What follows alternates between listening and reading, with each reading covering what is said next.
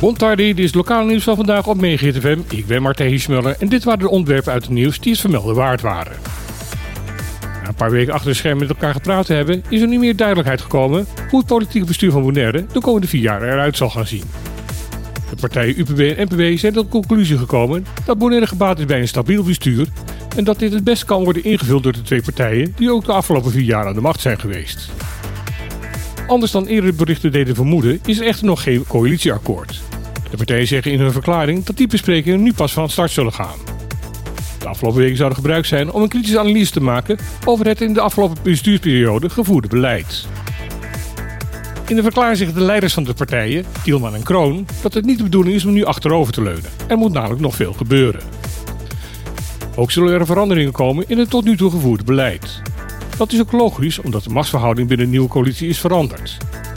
Wat eerder de NPW daar meerderheid, nu zal het de UPB zijn die met twee gedeputeerden in het bestuurscollege vertegenwoordigd zal gaan worden.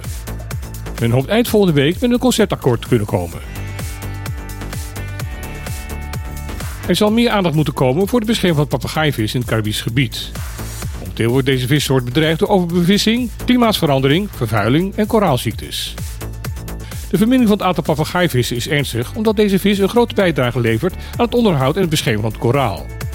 Onderzoek wijst uit dat het koraal een hoger herstelvermogen heeft wanneer het beschermd wordt door voldoende papegaaivissen. Daarom hebben Aruba en Bonaire al lokale regelgeving om deze soort extra te kunnen beschermen. Het Koninkrijk der Nederlanden en de Republiek Frankrijk zijn nu met een voorstel gekomen om de papegaaivissen wereldwijd te gaan beschermen. Later dit jaar zal over dit voorstel gestemd gaan worden tijdens een conferentie over de Cartagena Convention op Aruba. Mocht dit voorstel daar worden aangenomen, is dat weer een belangrijke stap in de bescherming van het koraal in het Caribisch gebied. Wederom heeft het Nederlandse marineschip Zijn Majesteit Holland meegewerkt aan de onderschepping van grote drugstransporten. Afgelopen maand werd ervoor gezorgd dat ruim 2 ton aan drugs niet op de plaats van bestemming is aangekomen. Daarmee is de hoeveelheid drugs die door de bemanning van het schip is tegengehouden opgelopen tot 13 ton. Dit keer werden vier snelle bootjes met drukpakketten ontdekt door het patrouillevliegtuig van de kustwacht. Vanaf de Holland werden daar direct een helikopter en twee snelle onderscheppingsboten over afgestuurd.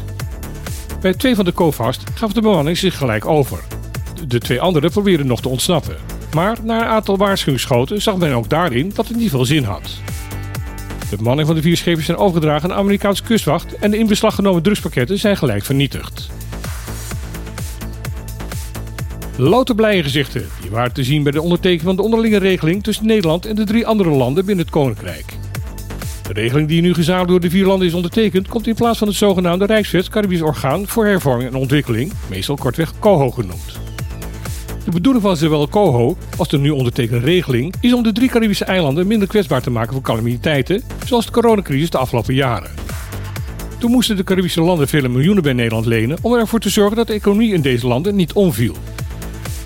Tegen de COHO-regeling waren er grote bezwaren, omdat de drie Caribische landen vonden dat ze hun autonomie ermee kwijtraakten. De regeling die nu is ondertekend gaat veel meer uit van eigen verantwoordelijkheid en onderling vertrouwen.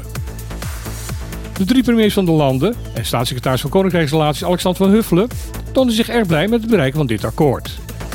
Hoe realistisch dit vertrouwen is, moet nog blijken. Nog op dezelfde dag van de ondertekening stuurde Van Huffelen een brief naar de Tweede Kamer waarin ze haar zorgen uitspreekt over de manier waarop de drie Caribische landen de noodzakelijke bestuurlijke vernieuwingen voor zich uitschuiven. Vooral de manier hoe het kabinet Pisas van Curaçao om de hete brei heen blijft lopen, baarde de staatssecretaris grote zorgen. Als voorbeeld geeft ze de noodzakelijke hervorming van de online gokindustrie op het eiland. Het was haar opgevallen dat Curaçao daarover steeds minder informatie deelt met Nederland. Een veeg tekent volgens haar. Dit was hier lokale nieuws op Megahit FM. Ik wens iedereen nog een mooie en waardevolle dag toe. En dan heel graag weer. Tot morgen.